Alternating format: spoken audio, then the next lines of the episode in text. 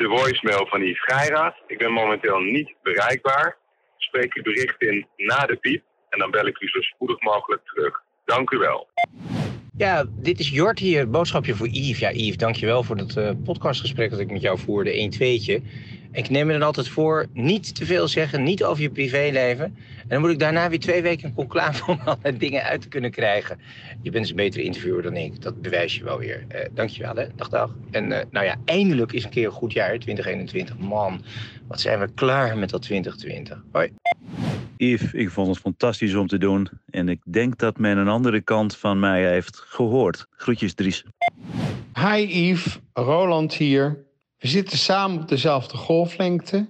Maar toch maken we genoeg golven om iedere keer weer een inspirerend gesprek te hebben. En uh, ik vond het superleuk in jouw podcast. Warme goed en happy 2021. Zonder COVID. Groetjes Roland. Hi Yves, Jaap de Groot Holland hier. Ja, je weet wel, je allereerste gast in de podcast. Nou, die klap was meteen een daalde waard, want uh, inmiddels staan ze te dringen om bij je in de studio te komen. En uh, terecht, ik, uh, ik bewaar goede herinneringen aan en ik, ik wens je in ieder geval voor 2021 weer een echt Yves Mastersjaar toe. En sluit het jaar af met heel veel bubbels, dat komt je toe. Hi Yves, hier met Sjaak. Wat hadden we een interessant verhaal over het verleden van Ajax en met Kruif en over de oorlog. Het leuke 1-2'tje tussen Yves en Sjaak. Ik wens jullie een prachtig 2021. Allemaal veel gezondheid. De groeten, Sjaak. We hebben een zaterdag. We hebben een zondag. We hebben een maandag. We hebben een dinsdag. We hebben een woensdag en we hebben een donderdag. Maar er is maar één vrijdag. De vrijdag van de gigs. Het 1 tweetje met Yves. Mijn naam is Erik de Vlieger. Vrijdag, de podcast.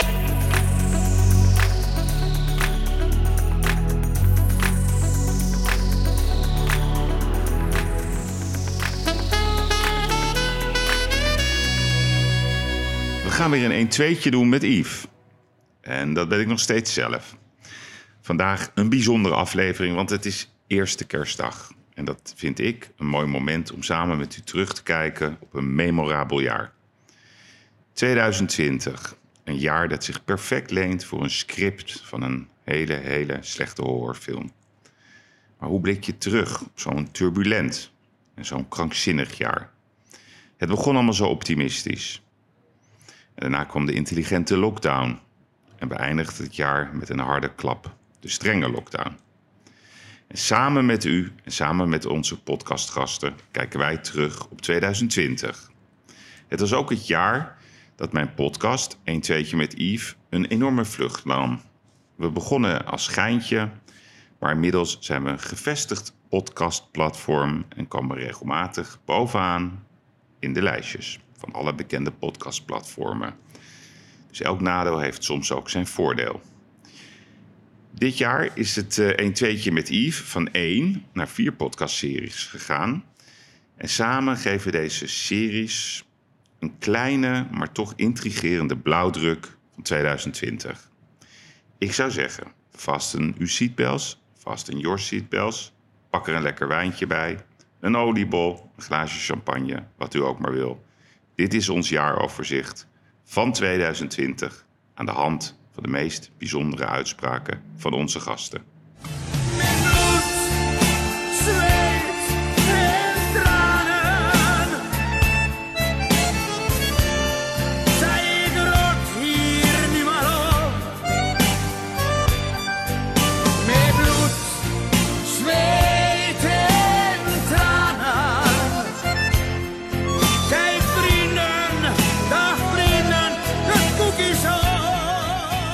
Mijn eerste podcastserie was niet poetsen, maar lullen.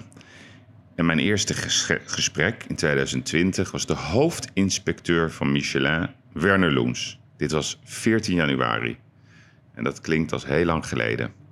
Tijdens de uitreiking van de Michelinsterren in het De La Mar Theater in Amsterdam mocht ik deze machtige man, zo kan je hem best noemen, van de gastronomische wereld bij hoge uitzondering persoonlijk ontmoeten, persoonlijk spreken en alles vragen wat ik maar wilde. Dit was een uitspraak die me heel erg aansprak. waarom is daar zoveel geheimzinnigheid over? Maar het gaat niet alleen maar over geheimzinnigheid. Het is uh, heel belangrijk voor ons als we onze job goed willen doen, dat wij gewoon anoniem en discreet in restaurants kunnen gaan eten. Uh, het is niet leuk uh, om herkend te zijn of als men denkt Natuurlijk. dat men van Michelin is, want dan gaat iedereen uh, op zijn tenen lopen en zo. Het is nog leuk voor ons. Het is ook niet leuk voor de, uh, voor, voor, voor, de, voor de chefs en de, de restauranthouders. En en het is toch maar normaal dat wij gewoon behandeld willen worden zoals elke andere klant. Dus dan ga je niet met uh, de fanfare. Nee, uh, begrijp ik. Gaan, gaan binnen, binnen nee, dat vind ik ook wel de schoonheid van, dus, van wat jullie doen. Ja, maar dat noemen, dat noemen de chefs altijd zo mysterieus. Het mystieke netwerk van de Michelin. Persoonlijk, als ik dan denk aan ratings, dan moet ik altijd aan twee ratings denken die mij het uh, meeste aanspreken. Dat is toch de Michelin-waardering over restaurants. En IMDB. Ik ben een grote filmliefhebber en ik kijk altijd op IMDB. Dus voor mij persoonlijk zijn dat wel de twee ja, gecertificeerde kanalen waar wel degelijk heel veel kennis achter zit. Niet veel later zocht ik Ali B op in de kleine komedie voor zijn show. En we spraken af in de kelders van de kleine komedie. Mijn vader heeft wel een rol gespeeld toen ik twee was. Ik bedoel, ik heb flashbacks van toen ik twee was. En er was er uh, huiselijk geweld. Ja. Uh, ik was onder het bed verstopt, weet ik nog een keer. En toen schreeuw, schreeuw. En toen werd er een kast omgegooid. En toen die kast op de grond knalde, die klap, die, die onthoud ik. En ik weet ook dat daar iets is geboren, namelijk mijn uh, gezonde wantrouwen naar volwassenen. En niet veel later zocht Gordon ons op op onze headquarters in Oude Kerk aan de Amstel. Ja, en als Gordon langskomt, dan is het hele kantoor in rep en roer. En hij was heel erg open over zijn verslaving. En hij was daar ook nog wel uitgesproken over. Hij zei: Het is genoeg. Nooit meer. Wijntje, lijntje was, was het. Ja, wijntje, lijntje. Maar wat dronk jij dan per dag? Een flesje? Nou, nee, ik was niet. Ik, moet ook eerlijk zeggen, ik ben niet zo, het was niet zo'n notoire echt dat ik elke dag alcohol nodig had. Maar ik vond het wel een probleem worden als ik naar de bijkeuken liep dat ik een slok uit een tequila fles nam. Ja. Toen dacht ik echt, nou, dit gaat niet echt heel goed. Nee. Mijn vader zou trots op me zijn. Ja. Op die arme schat. ja, ja. Nee, maar... Um, ja, hoe moet ik dat uitleggen? Dus dat was voor mij het aha-moment. Oké, nu is het klaar. Toen heb ik de telefoon gepakt. En toen heb ik echt letterlijk gegoogeld... Uh, vijf sterren uh, addiction resort. En toch, niet veel later, kwam toch weer in de media naar voren... dat ja, hij toch nog één keer weer moest toegeven aan een verslaving. Dat geeft ook aan hoe groot dit probleem is. Daarom vind ik dat ook iets om bij stil te staan. Het heeft alle aandacht nodig. Als je dan kijkt naar de ontwikkelingen in Nederland op het gebied van mediagebied, moest ik meteen terugdenken aan een gesprek wat ik had met Ronald Okhuizen, de charmante, sympathieke hoofdredacteur van de Amsterdamse krant Het Parool.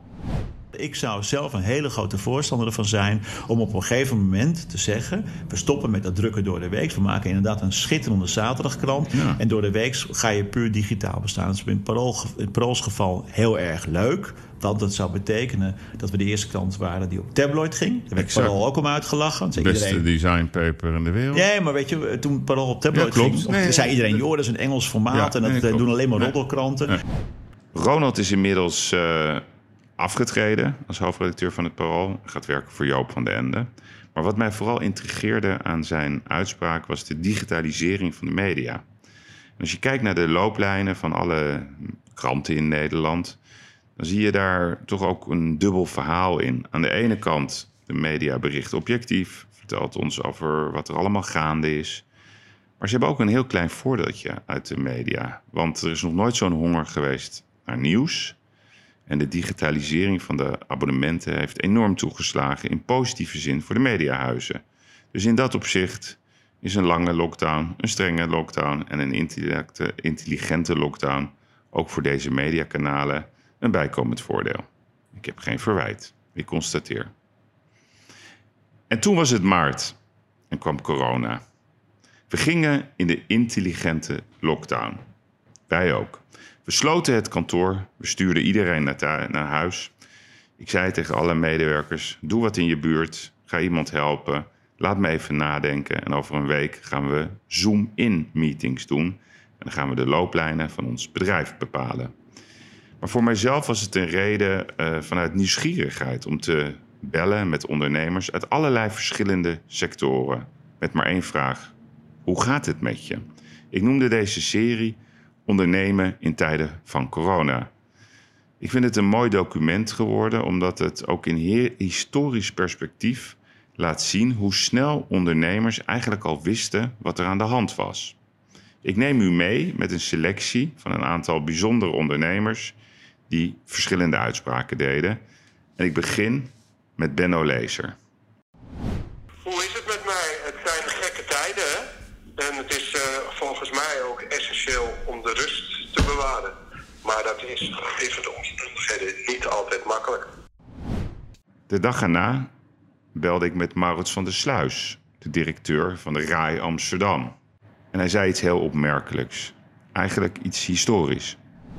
Nou ja, uh, in één woord natuurlijk dramatisch. Hè. Wij zijn uh, vol geraakt door, uh, door deze crisis. we zijn voor het eerst sinds de Tweede Wereldoorlog gesloten. Dat, ja, dat is toch wel uniek. Twee dagen daarna belde ik met de bekende horecaondernemer Ron Blauw. De sector die het eerst werd getroffen. Ja, dit, dit wordt een slagveld. Ja, uh, wat, ook wel weer, uh, uh, wat ook wel weer goed is. Want, want er was, is gewoon te veel horeca en er, en er waren gewoon te veel restaurants. Hmm. Maar het blijft natuurlijk, het persoonlijke leed is, eh, is, is natuurlijk enorm. Je, dat gun je niemand. Een andere goede relatie van mij, misschien een onbekende voor velen, maar een grootheid in de wereld van standbouw, is Harry van der Hoorn. En hij definieerde meteen vanaf het begin de schade wereldwijd voor deze sector. Ja, toen het net begon, net, dus dan praat ik over uh, toen, toen ergens rond 15, laten we zeggen ergens tussen 15 en 20 februari. Mhm. In die periode werden er projecten afgezegd. En toen was er al voor 750 miljoen aan vierkante meters afgezegd. Ik denk dat die 750 miljoen, dat het nu is opgelopen naar, ik denk dat het 10 miljard is. En als je echt wil weten hoe het met een economie gaat in de eerste fase, dan moet je gaan bellen met de mensen die in de wereld van de reclame zitten. En dit zei Bart de Vries, de directeur van het buitenexploitatiebedrijf JC de. Dat is een bedrijf die de tramhokjes invult, samen met andere partijen. Wij zijn een buitenreclamebedrijf en ik geloof dat een derde van de wereld zit in lockdown. Dus dat is wel lastig voor een, een, een bedrijf dat het moet hebben van mensen die op straat lopen. Ja, dat is echt catastrofaal. Maar ik voelde ook de behoefte aan perspectief, aan hoop, aan creatief denken, maar ook aan een realistische kijk. En dan bel ik altijd met een echte breinkrakerkenner, een visionair, een boekenschrijver. En dat is voor mij René Boender. Uh, het is uh, watertrappelen op volle zee met de kust op twee maanden zwemmen. Het is slechts een selectie van een aantal kenners. Ik noem ze dan even mijn OMT, mijn deskundige. En ze hadden al heel snel door, los van elkaar, wat er allemaal aan de hand was, hoe groot de schade was. Zelf publiceerde ik daarover een artikel in het Parool van begin maart. 14 maart schreef ik het. Volgens mij werd het iets daarna ook gepubliceerd. En ik maakte een winstwaarschuwing op een onwaarschijnlijke crisis. Mijn winstwaarschuwing was vooral doe niet aan de salami-methode. En wat bedoel ik daarmee? Ga niet per maand kijken wat je moet doen. Maak een plan voor de lange termijn. Alhoewel de intenties en ook de complexiteit zo groot was voor iedereen binnen de politiek, heeft men toch nooit invulling gegeven aan een plan voor meerdere jaren. Wat ik wel zag in Aziatische landen. Dus ik hoop dat dat lesmateriaal is voor de toekomst. Maar desondanks, um, ja, wil je altijd weten op een simpele manier, op een manier van Jip en Janneke, hoe gaat het dan met die horeca? En dan bel ik altijd even met je Won Jip. De eerste week is voor de inkoop, dus voor de leverancier. De tweede week is voor het personeel. De derde week is voor de huisbaas, de verhuurder. En de vierde week is het ondernemersloon en voor de belasting, de btw en de loonbelasting. Nou ja, reken hem dan maar uit. Ik zou zeggen, trek uw conclusies uit de simpele analyse van Won Jip. In maart en april kon niemand overzien wat er allemaal zou gebeuren. Het was in ieder geval ook een periode waar ik ook met plezier op terugkijk. Herinnert u zich nog de prachtige blauwe lucht die we hadden? Het langdurige mooie weer en ook de rustige straten en zelfs de lege dam. Ik ben er speciaal voor naartoe gegaan om het te bekijken. Het zijn unieke beelden. Alleen het virus ging niet weg en de maatregelen werden verlengd. En ook de zorg over de toekomst werd steeds groter. En mijn grote sporthart ging zich vragen stellen: gaan de Olympische Spelen wel door? Wat gaat er gebeuren met voetbalwedstrijden? En wat gaat er überhaupt gebeuren met het EK voetbal en andere toernooien die mij in ieder geval mateloos interesseren, zoals de Tour de France? Dus ik ging bellen met de algemeen directeur van het NOC-NSF. Besluit om de competitie stil te leggen is natuurlijk niet door de KNVB genomen. Dat nee, dat begrijp ik. Maar... De regering genomen. En zij gaan hopen in september weer te kunnen beginnen.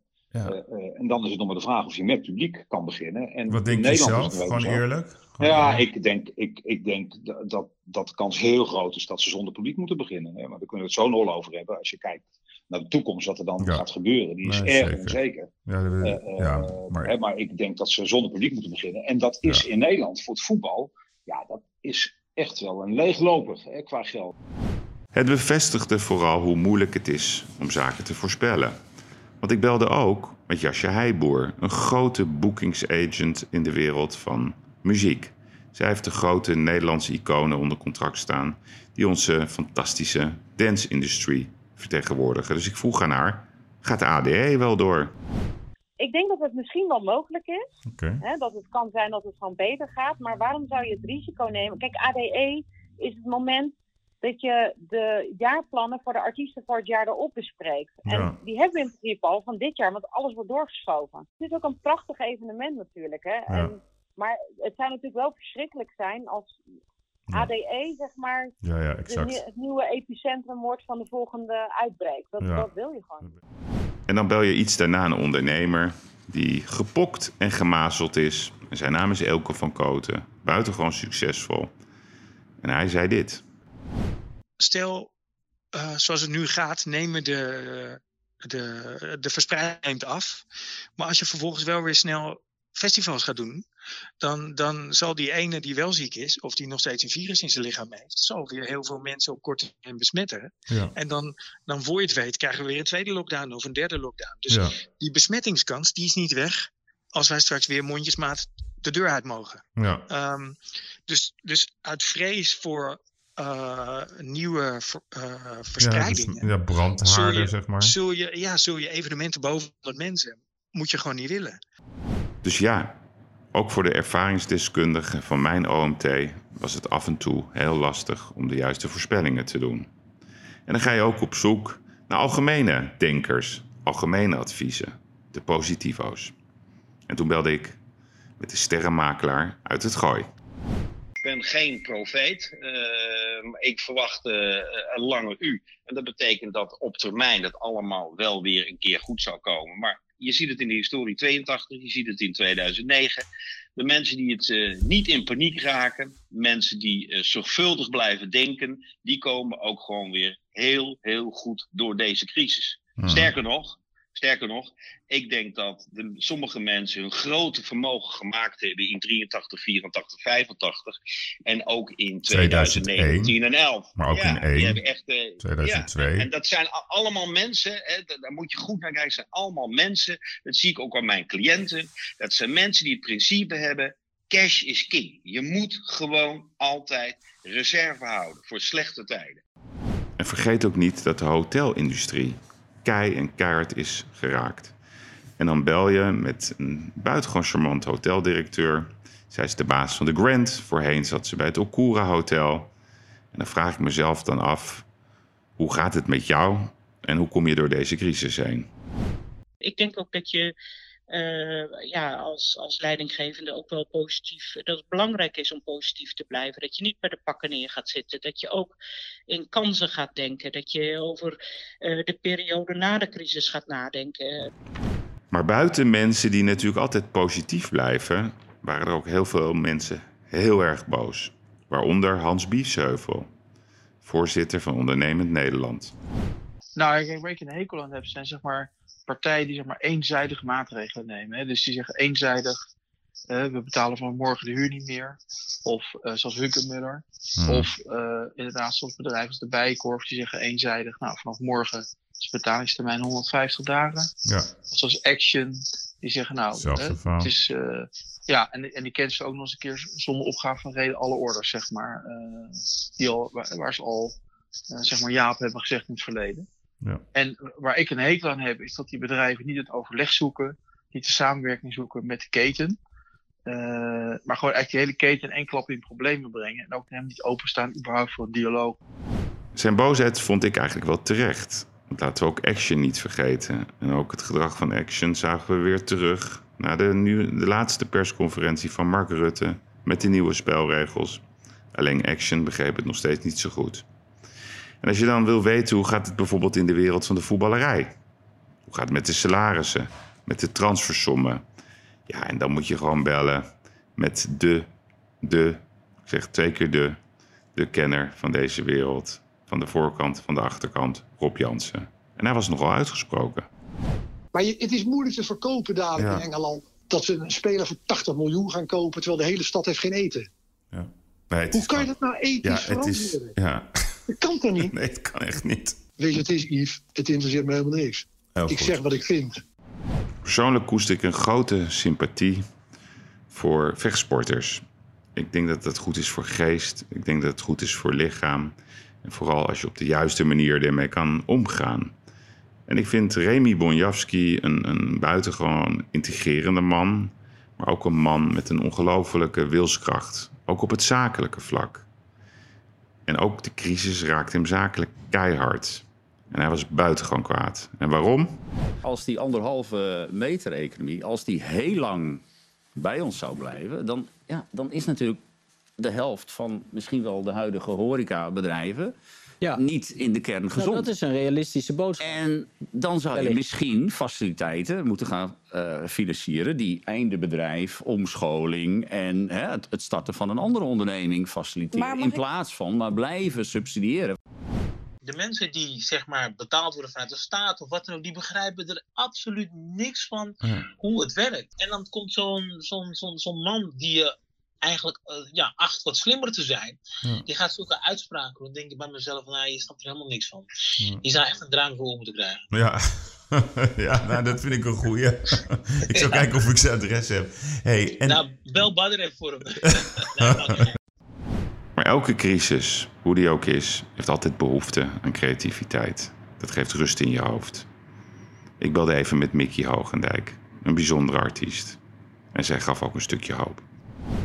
Nood, wat mij altijd, wat mij persoonlijk altijd is gebeurd, is dat in de meest heftige situatie kwam, kwam altijd mijn sterkste mijn, mijn kracht boven en uh, mijn creativiteit. En ik heb echt de gekste, gekste dingen meegemaakt. In een raarste situatie gezeten. En op de een of andere manier word je heel erg inventief. En het moment dat je denkt dat je alles verliest, is eigenlijk het grootste moment van vrijheid. Maar vooral de veerkracht van ondernemers, die blijft me altijd verbazen. Hoe hard ze ook geraakt worden, ze zijn altijd weer op zoek naar oplossingen. Mico Pauw, succesvol ondernemer, groot leverancier van de horeca, zag desondanks kansen. Je, je moet je schamen als je daar verkeerd over nadenkt. Je moet de tering naar de nering zetten. Ja. En, uh, wij met de hele familie zijn uh, aan de gang. Uh, en we komen oorspronkelijk uit Gooi vandaan. Dus weet je, we hebben dat als eerste gebied genomen. En, en natuurlijk zijn we online heel actief. Hè, want ik begrijp best wel dat je daar veel meer mensen mee kan bereiken in één keer dan, dan, dan met, met een foldertje. Maar toch, weet je uh, krijg je uh, krijgen enorm veel bestellingen eruit. En uh, hebben we gewoon lijsten gemaakt. En mijn broer en zijn gezin die doet laden. Vandaag gaan we naar de vesting. Wij, spreken, ja. wij spreken, dat, dat doen we daadwerkelijk. Ja. En, maar ook onze medewerkers. Maar ja, een crisis leidt ook altijd tot uitspraken, per ongeluk. Beetje een tikkeltje, categorie onhandig.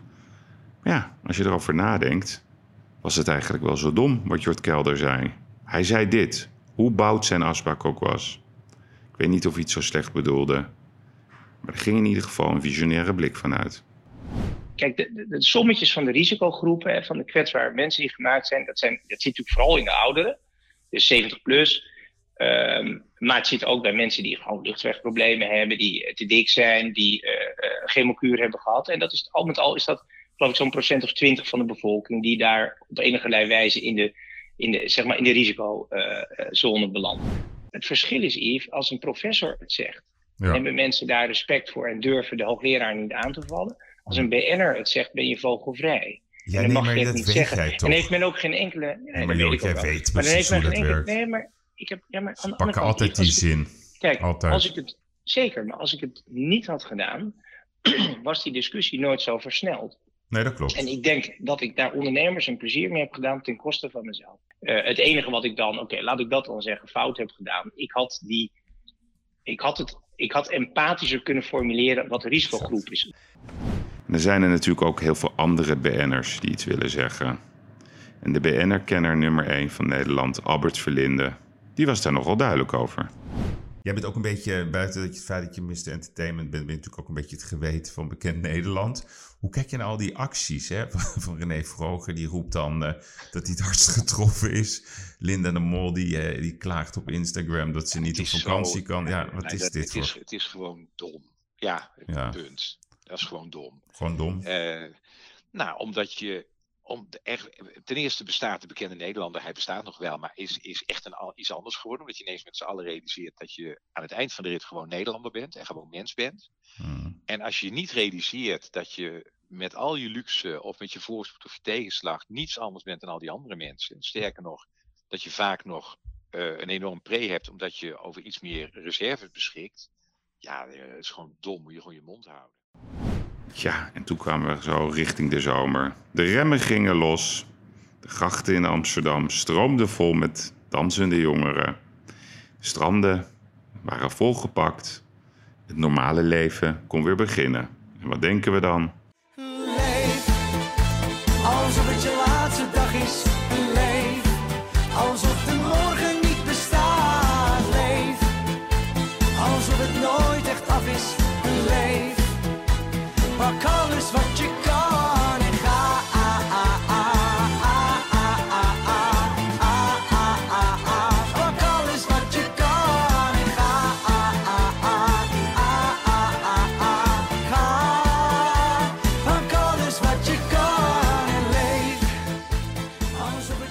Nadat de teugels wat losser konden, ja, kon ik ook mijn eigen pleziertje een beetje bevredigen. Ik ging bellen met voor mij iconen uit de wereld van voetbal. En een van mijn grootste iconen is Shaki Zwart. Ik kan me nog herinneren, de halve finale van het WK tegen Brazilië in Duitsland. Eh, Daar werd echt uitgedeeld. Bespraken jullie dat dan ook? Van, joh, we gaan die gozer eventjes even... Ja, eh, natuurlijk. Ja? werd er Hoe ging gedaan. dat? Nou, Hoe- hoe- ik denk dat wij voor de wedstrijd... Kijk, wij wisten natuurlijk alle clubs in- Nederland... en als ik over Nederland praat... hey, bij Feyenoord is die gevaarlijk of die gevaarlijk. Die werd ges- uitgeschakeld. Ja? Voor de wedstrijd al. En hoe doe je dat dan? Nou, met neeskons, zuurbier. Ja. Vasovic, één tegen één.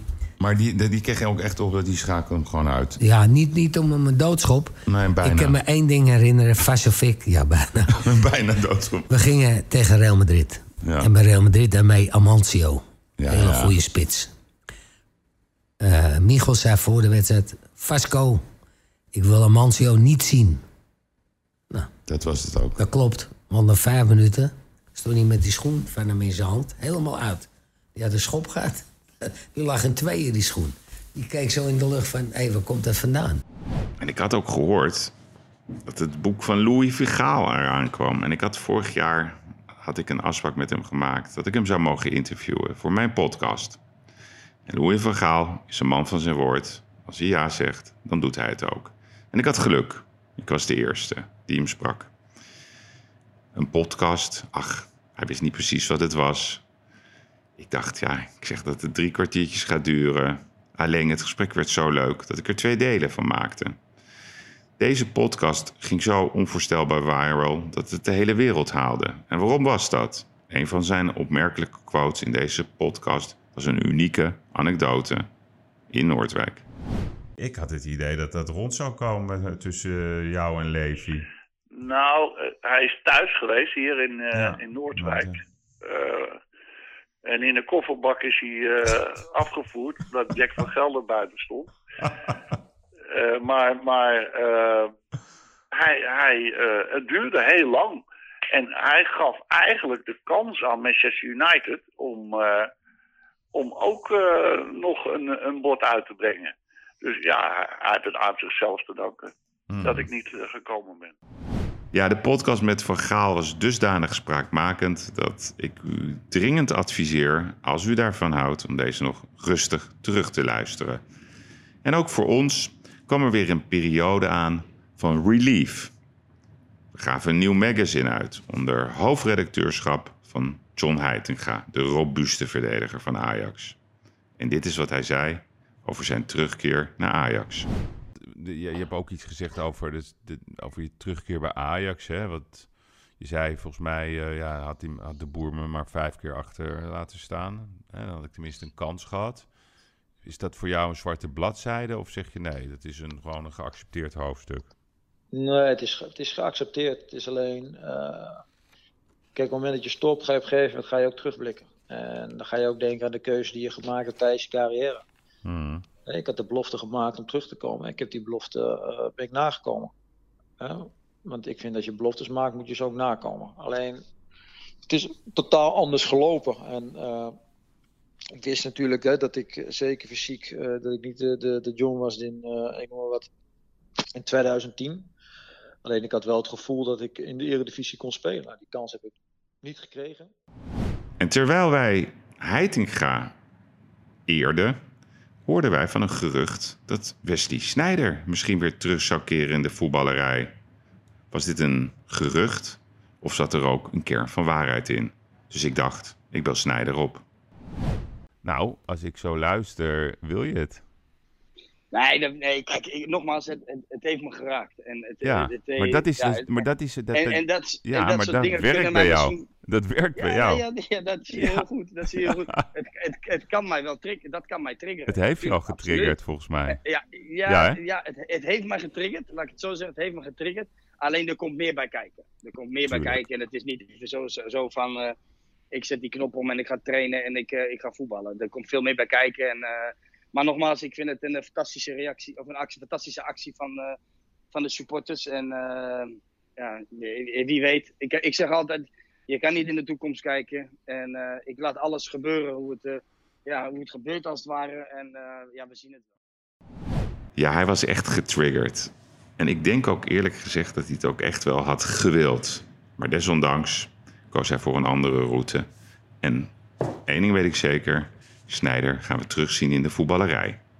En door het turbulente jaar, waar ik me keer op keer toch wel lichtelijk verbaasde over allerlei beslissingen en allerlei maatregelen, dacht ik, ja, ik ga maar mijn eigen OMT oprichten. En dat noemde ik Gigs. En wat ging ik doen? Elke vrijdag ging ik samen met vastgoedondernemer Erik de Vlieger, live vanuit Portugal, horeca-tycoon Wonjip, culinair kenner Karsten Klint, kunstenaar Mickey Hogendijk en sportjournalist Jaap de Groot allerlei facetten van het nieuws separaat bespreken. En een van die opmerkelijke feiten die plaatsvond, was de demonstratie op de Dam. Ik neem aan dat u dat beeld zich nog goed kan herinneren. Het was namelijk de dag dat de horeca weer open mocht. En verrassend genoeg ging het allemaal goed. En toen was het vijf uur. En toen begon het plein helemaal vol te stromen. Hmm. En Hoe, keek, je- hoe keek jij daarna? Ja, toen ben ik toch voor de zekerheid eh, eh, even naar boven gelopen. Naar het dakterras. Want daar heb ik een, een, een beter beeld altijd. Ja, Yves, eh, het waren er geen 2000, het waren er geen 3000, het waren er geen 5000. Het waren er minimaal 10.000. Het waren zeker 10.000. Nou, het waren er waarschijnlijk 14.000. We weten het nog steeds niet. Het zou onderzocht worden, maar het exacte getal hebben we nooit gehoord. En we weten ook nog steeds niet hoeveel mensen toen besmet zijn geraakt. Ik vind het jammer. Wat ik vooral jammer ook vind, is dat de discussie is gekaapt. Het zou moeten gaan over racisme. En het zou niet moeten gaan over Femke Halsema. Ik vond het een heel slecht moment van 2020. Maar ja, wij gingen vrolijk verder en ons sporthart blijft altijd kloppen. En vooral klopt hij ook in de Formule 1. Want ja, op 29 mei zou de Grand Prix van Zandvoort plaatsvinden. Die ging niet door. Dus we waren wel nieuwsgierig naar de kalender voor 2020. En we waren de eerste die de kalender bracht. Dat was een mooi feitje. En de man achter het feitje was Jaap de Groot. Uh, ik heb begrepen dat maandag een officiële verklaring komt. En dat ze min of meer de agenda al klaar hebben. Dus het wordt 5 juli wordt het Oostenrijk. Een week, we dachten eerst de 8e, maar ik heb begrepen dat het toch een week later wordt. Dus, dus dan uh, wordt het uh, 12 juli de tweede race in Oostenrijk. Dan krijg je een week later Hongarije. Dan hebben ze twee weken rust. Dat is precies die twee weken quarantaine die nodig is om in Engeland te kunnen racen. Dan krijg je op 2 en 9 augustus krijg je Silverstone. Dan ga je daarna gaan ze naar Barcelona. Dan komt uh, weer twee weken quarantaine. En dan krijg je Spa. En dan uh, zou op 6 september Monza uh, plaatsvinden. En dan gaan ze, gaan ze naar een ander deel van de wereld. Ik, ik heb begrepen Amerika. Maar, maar dit deel van de kalender schijnt al officieus bekend te zijn. Een ander belangrijk moment van 2020 zijn natuurlijk de Amerikaanse verkiezingen. En dan weet ik één ding. Dan bel ik altijd met Leon de Winter. Want hij volgt dat op dagbasis. Hij weet altijd meer dan vele anderen. Een echte deskundige. Is dit het beste wat Amerika kan aanbieden? Wat de Amerikaanse bevolking aan, aan leiders heeft? Ja. Dat, dat is op zich natuurlijk een krankzinnig beeld. Ja, er zit een kern van pro-Trump gedrag bij, bij Leon de Winter. Dus ik was ook vooral benieuwd naar Max Westerman, de Amerika-kenner bij uitstek. Een Biden-fan. Het land van, valt van ellende uit elkaar. Al het groep van hem van de afgelopen vier jaar heeft voor de gemiddelde Amerikaan nog niks opgeleverd. Er zijn niet meer banen uitgekomen. Nou, is niet waar. Zijn beste vrienden zijn dictators. Nu kijk ik gewoon naar Biden Channel tegen, tegen Trump Channel. De man liefst voortdurend. Wat denk jij? Wat, uh, toch even een, een, harde voorspelling van jouw kant? Inmiddels zijn de resultaten bekend van de verkiezingen. Het is Biden geworden, ondanks dat Trump dat waarschijnlijk voor eeuwig zou blijven ontkennen. En laten we hopen dat Amerika een sterker land wordt. En laten we ook hopen dat de toon aangenamer wordt. Maar uiteraard zijn we ook geïnteresseerd in roddels. In kleine dingetjes, in de leuke dingen van het leven. En dan moet ik altijd denken aan volkszanger Dries Roelvink. Een vader met een goede stem. Iemand altijd met plezier, met een glimlach in zijn ogen. Maar ook vader van twee zonen die af en toe zichzelf niet meer in de hand hebben. Wat zal ik toch blij zijn als we een jaar of vijf verder zijn. Dat ze misschien een beetje hun volle verstand krijgen. Of, of, of ze krijgen het nooit, want ze nemen soms rare beslissingen. Waarvan ze dus wel eerst altijd even met mij erover beginnen. En dan geef ik mijn mening en dan doen ze precies het uh, tegenovergestelde. Dus dat, uh, je hebt ze niet meer uh, in de hand. Ja, en toen was het een periode dat wij toch ons steeds meer zorgen gingen maken over wat het kabinet ons allemaal aan het voorschotelen was. We rolden van de ene naar de andere persconferentie. En om nou te zeggen dat het heel consequent was, ik durf te zeggen dat het beleid in ieder geval consequent was in zijn inconsequentheid. De mondkapjes, weet u het nog? Het zal allemaal geen zin hebben en inmiddels lopen we allemaal braaf met mondkapjes. En ach, enige satire misstaat niet.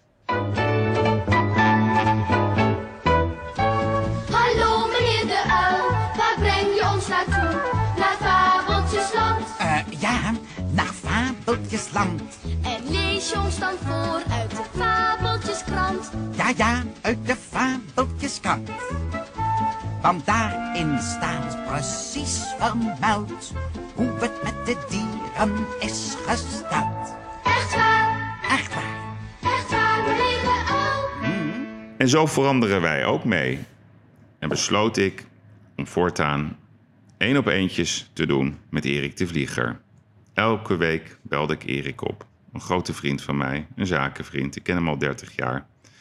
En wij hebben altijd zelf altijd de meest vermakelijke gesprekken met elkaar gehad. En we zeiden tegen elkaar: laten we mensen nou maar gewoon meeluisteren met wat wij normaal gesproken met elkaar bespreken. Alsof je stiekem meeluistert met ons gesprek.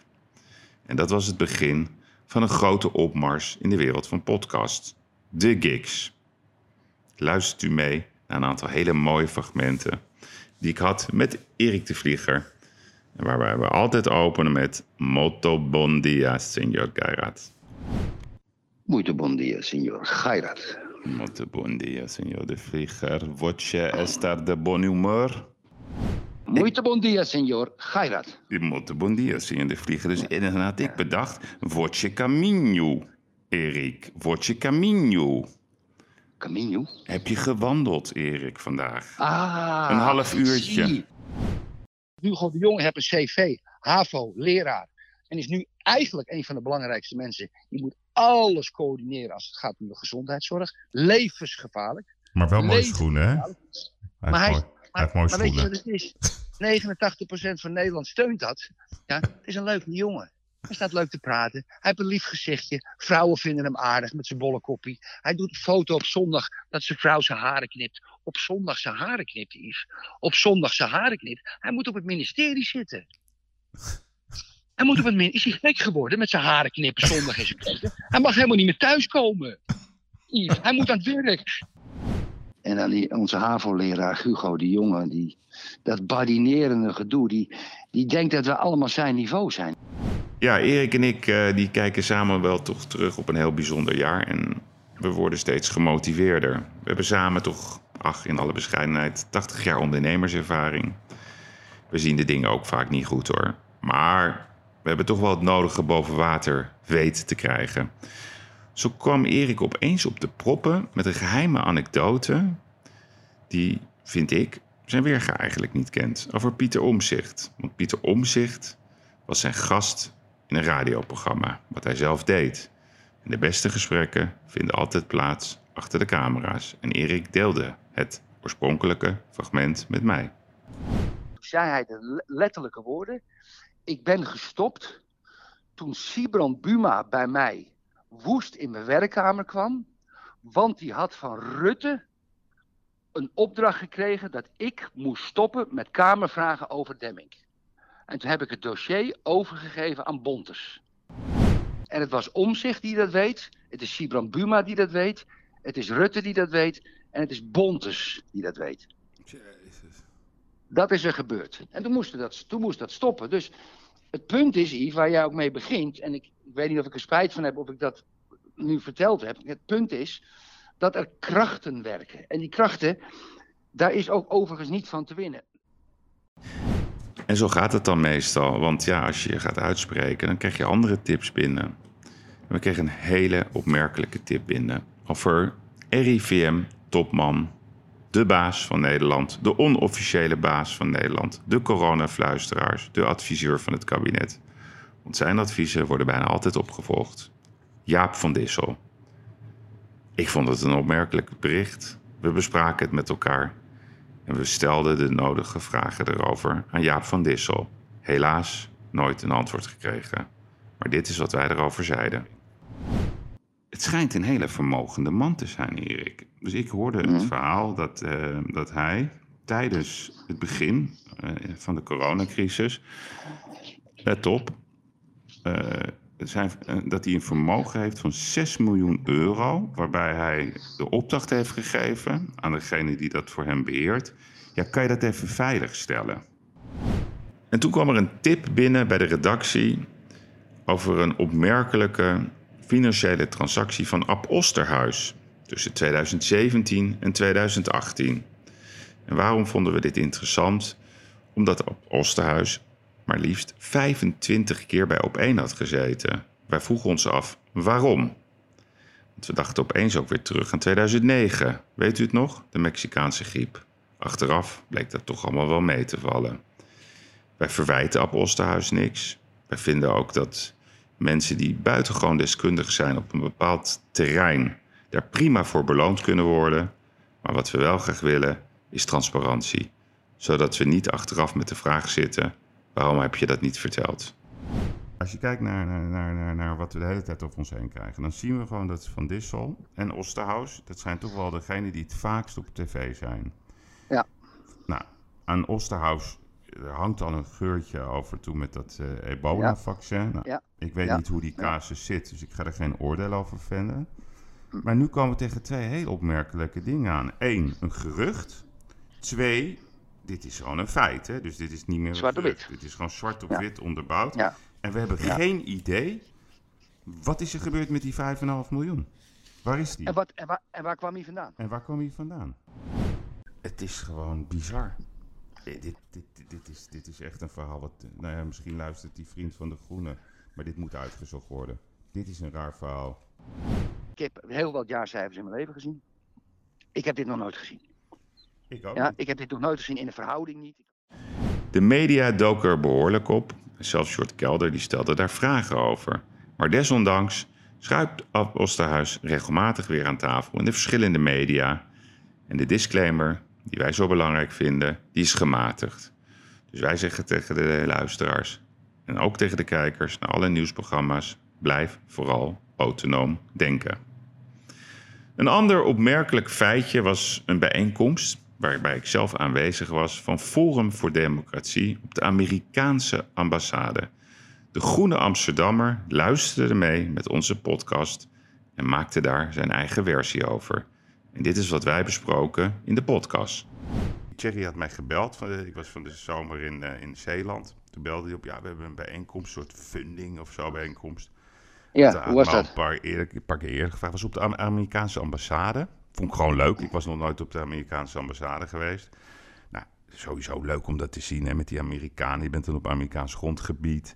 Er Ja, zit zo'n ja. man in zo'n legerpak ook achter glas. Ja, echt, echt Ja, heel Amerikaans. dan moet je door een poortje, telefoon. Grote veiligheidseisen zeker? Ja, grote veiligheidseisen. Ja, nou, kreeg een mondkapje met, eh, van zijde, van satijn.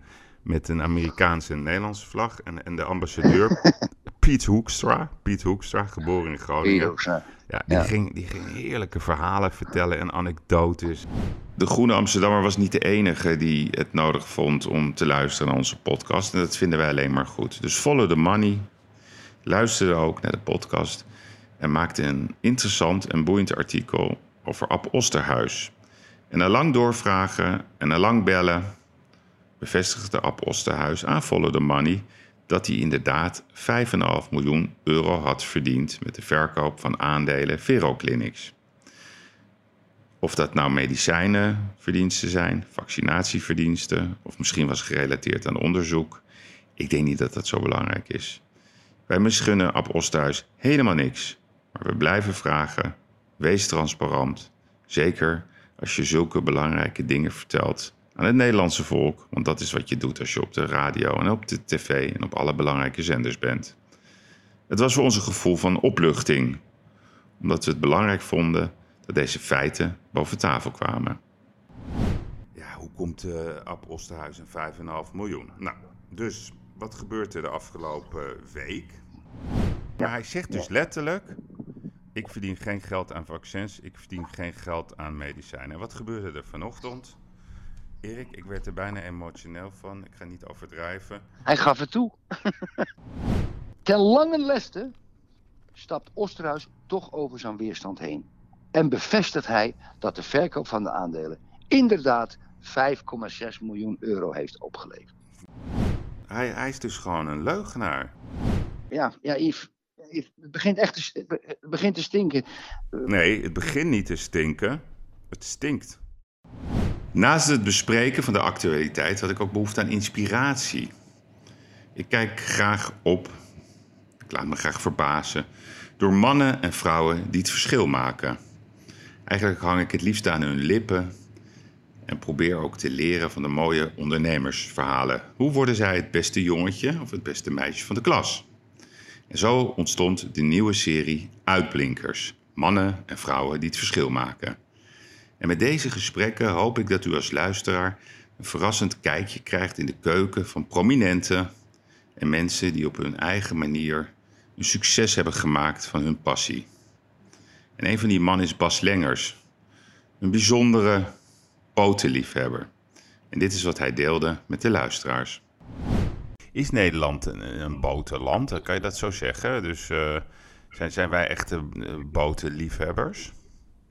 Als Ja, land? enorm. Enorm. Enorm. Als je ziet, Yves, ik, ik was zelf even aan het varen een paar weken geleden. Ben ik even door Friesland heen gevaren. Als je ziet wat daar ligt aan boten, wat je ziet varen. Nou ja, ook in Amsterdam natuurlijk op het IJsselmeer, vooral dit jaar valt het enorm op. Ja, we zijn echt een botenland. En het is natuurlijk een prachtig land om op te varen. Je kan overal naartoe. Je kan naar de eilanden, je kan de rivieren, je kan de meren pakken. De zee, de Noordzee kan je op. Eh, ja, het is uniek, vind ik. En als er één sector was die in deze crisis misschien het hardste getroffen was van alle sectoren, samen uiteraard met de horeca, maar zeker ook met de evenementenindustrie en ook met de beurzenindustrie, dan is dat Harco van Uden, de reisbranche. En hij kwam met een mooi en opmerkelijk idee. Er zijn op dit moment, zoals ik het begreep, ongeveer 1 miljard eh, aan vouchers in omloop. Vakantievouchers. Correctie, 1 miljard bij ANVR-leden. Dus wij hebben gedacht van oké, hoe kunnen we nou voor zorgen dat die klant die dat geld opeist, toch zijn marge hier kan achterlaten door een beter alternatief te verzinnen dan reizen. Want reizen kunnen we en mogen we op dit moment niet. Met elkaar draaien we de economie eh, met de potentie van een miljard. Ja, nou, ik vind het een fantastisch. Ik vind het een uitblinkersplan. Een andere bijzondere uitblinker voor mij is Benno Lezer. Hij is de baas van het prachtige familiebedrijf Gassan Diamonds. Gevestigd in het hartje van Amsterdam. En Benno Lezer is niet alleen een vriend van mij. Het is ook nog eens een voetbalvriend van mij, waarbij hij een andere voorkeur heeft voor een bepaalde club. Maar dat waardeer ik en dat respecteer ik uiteraard. Maar het is ook een man die als geen ander weet hoe je bedrijf door een crisis kan loodsen. En ook hij had in zijn lange carrière grote problemen. En altijd wist hij daar op een goede manier mee om te gaan. Wat ik vooral waardeer in hem, dat ook een zeer opmerkelijk feit in hun geschiedenis, dat transparantie daarover voor hem geen enkel probleem is.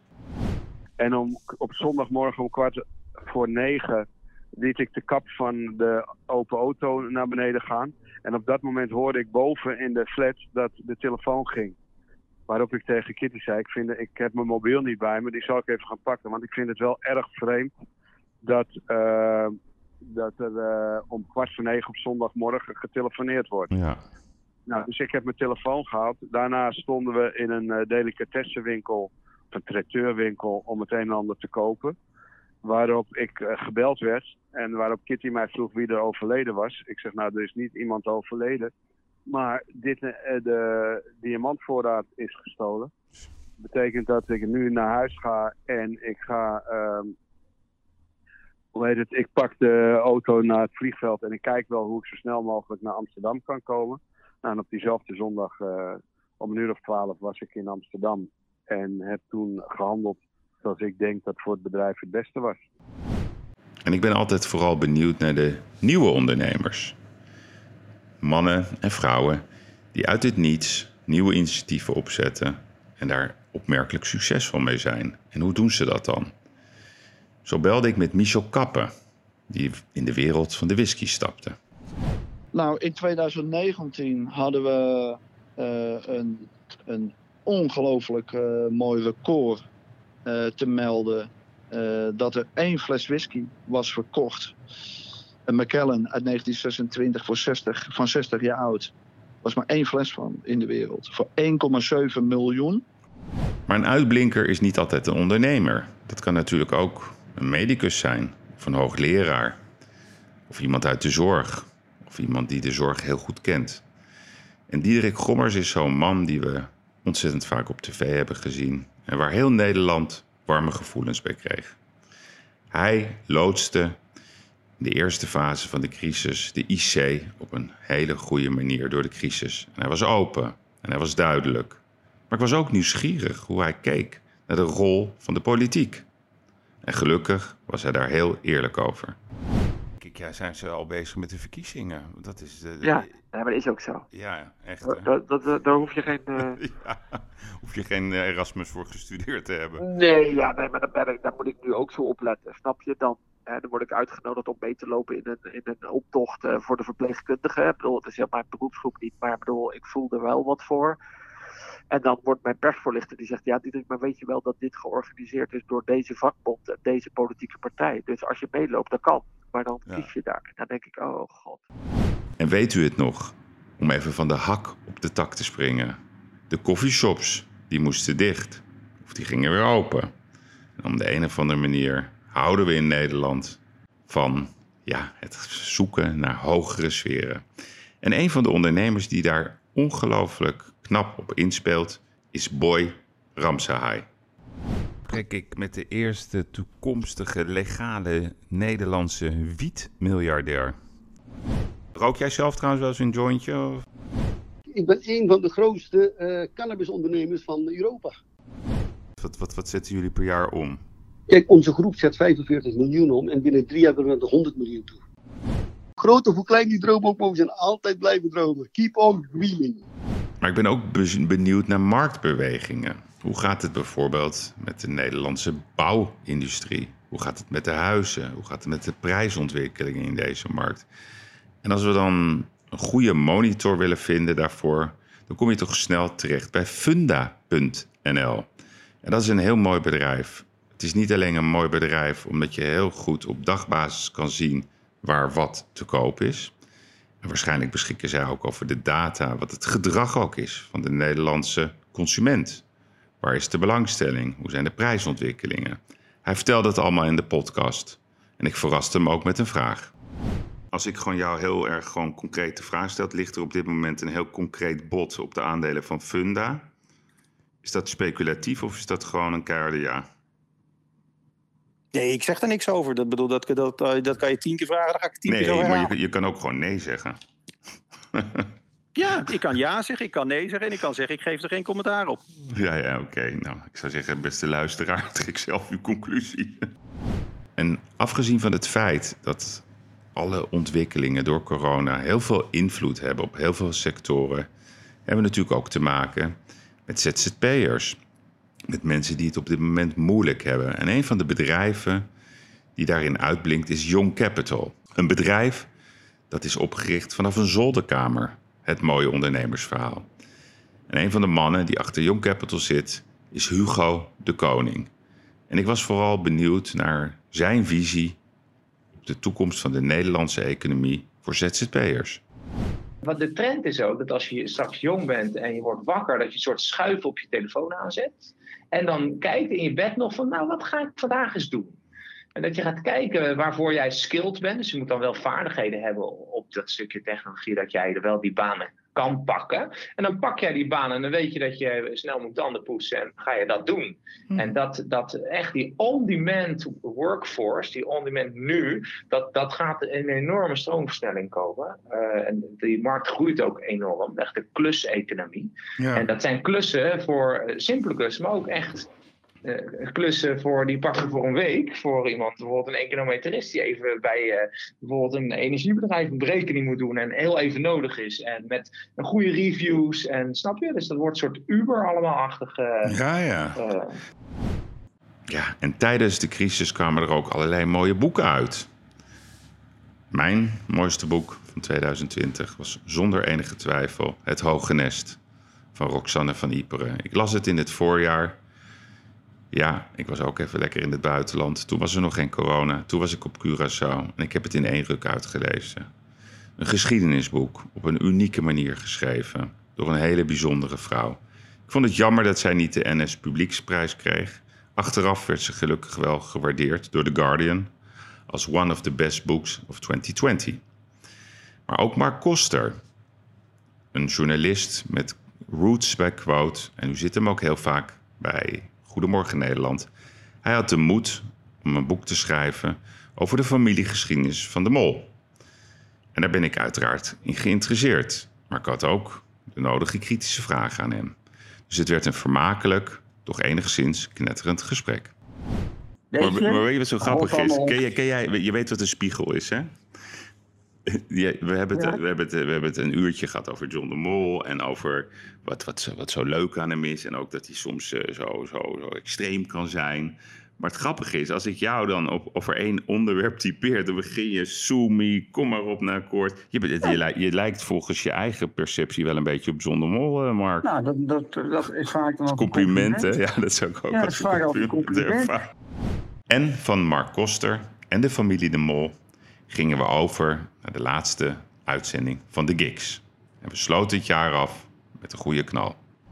Erik, Erik, even complimenten voor jou. Je hebt je de afgelopen week heel erg ingezet. Je hebt brieven gestuurd. Weet je wie trouwens geen eh, formulier ondertekent op het gebied van belangenverstrengeling? Gewoon niet. Kan niet. Iedereen heeft ondertekend iets. Nee, nee. Jaap? Jaapie van Dissel. Ze vinden dat ze er zelf geld aan mogen verdienen in de industrie waar ze de regering over adviseren. Juist, wij van WC Eend. Wat zei Rutte ook in de persconferentie. Hij zei 19 januari. En toen kwam de tweede zin, die ik echt denk, waarom zegt hij dat? Tot half maart, tot half maart, lieve luisteraars, geen reizen. En dan moet je eens goed nadenken, waarom zegt hij dat? En dan zeg ik tegen u, want we gaan die voorspelling gewoon doen. Dus we weten gewoon hoe hard de maatregelen op sommige vlakken zullen blijven tot half maart. Want, wat is er 17 maart, Erik? De verkiezingen. En 2020.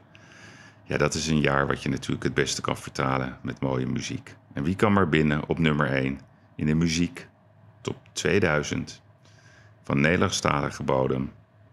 Dit nummer. En dat vertelt 2020. Here we go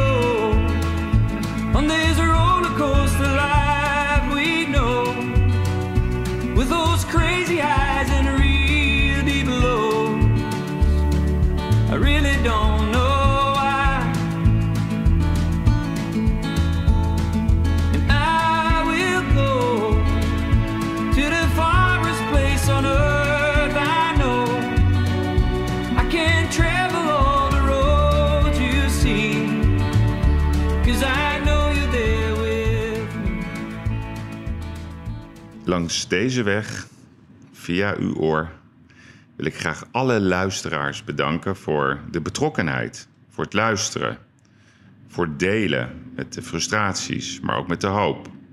Met ook tips, met feedback. We hebben er massaal naar geluisterd en we waarderen dat enorm. We gaan er zeker mee door. We zijn er heel even tussenuit.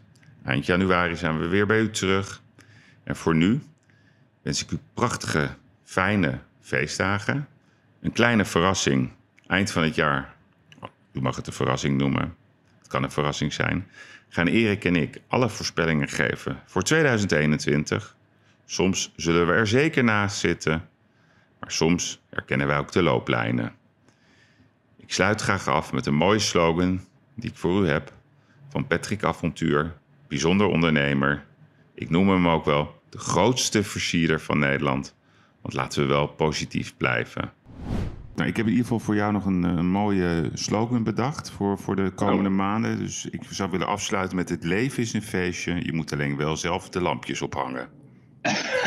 Die houden we erin. Die houden we erin. Oké, Dankjewel. Patrick. Hele goede dagen. Dankjewel hè. En ik zeg tegen u allemaal tot volgend jaar. En één quote van een man die ik zeer, zeer waardeerde, deel ik graag met u. En dat was Eberhard van der Laan. Weile Eberhard van der Laan. De fantastische burgemeester van Amsterdam. Wees lief voor elkaar.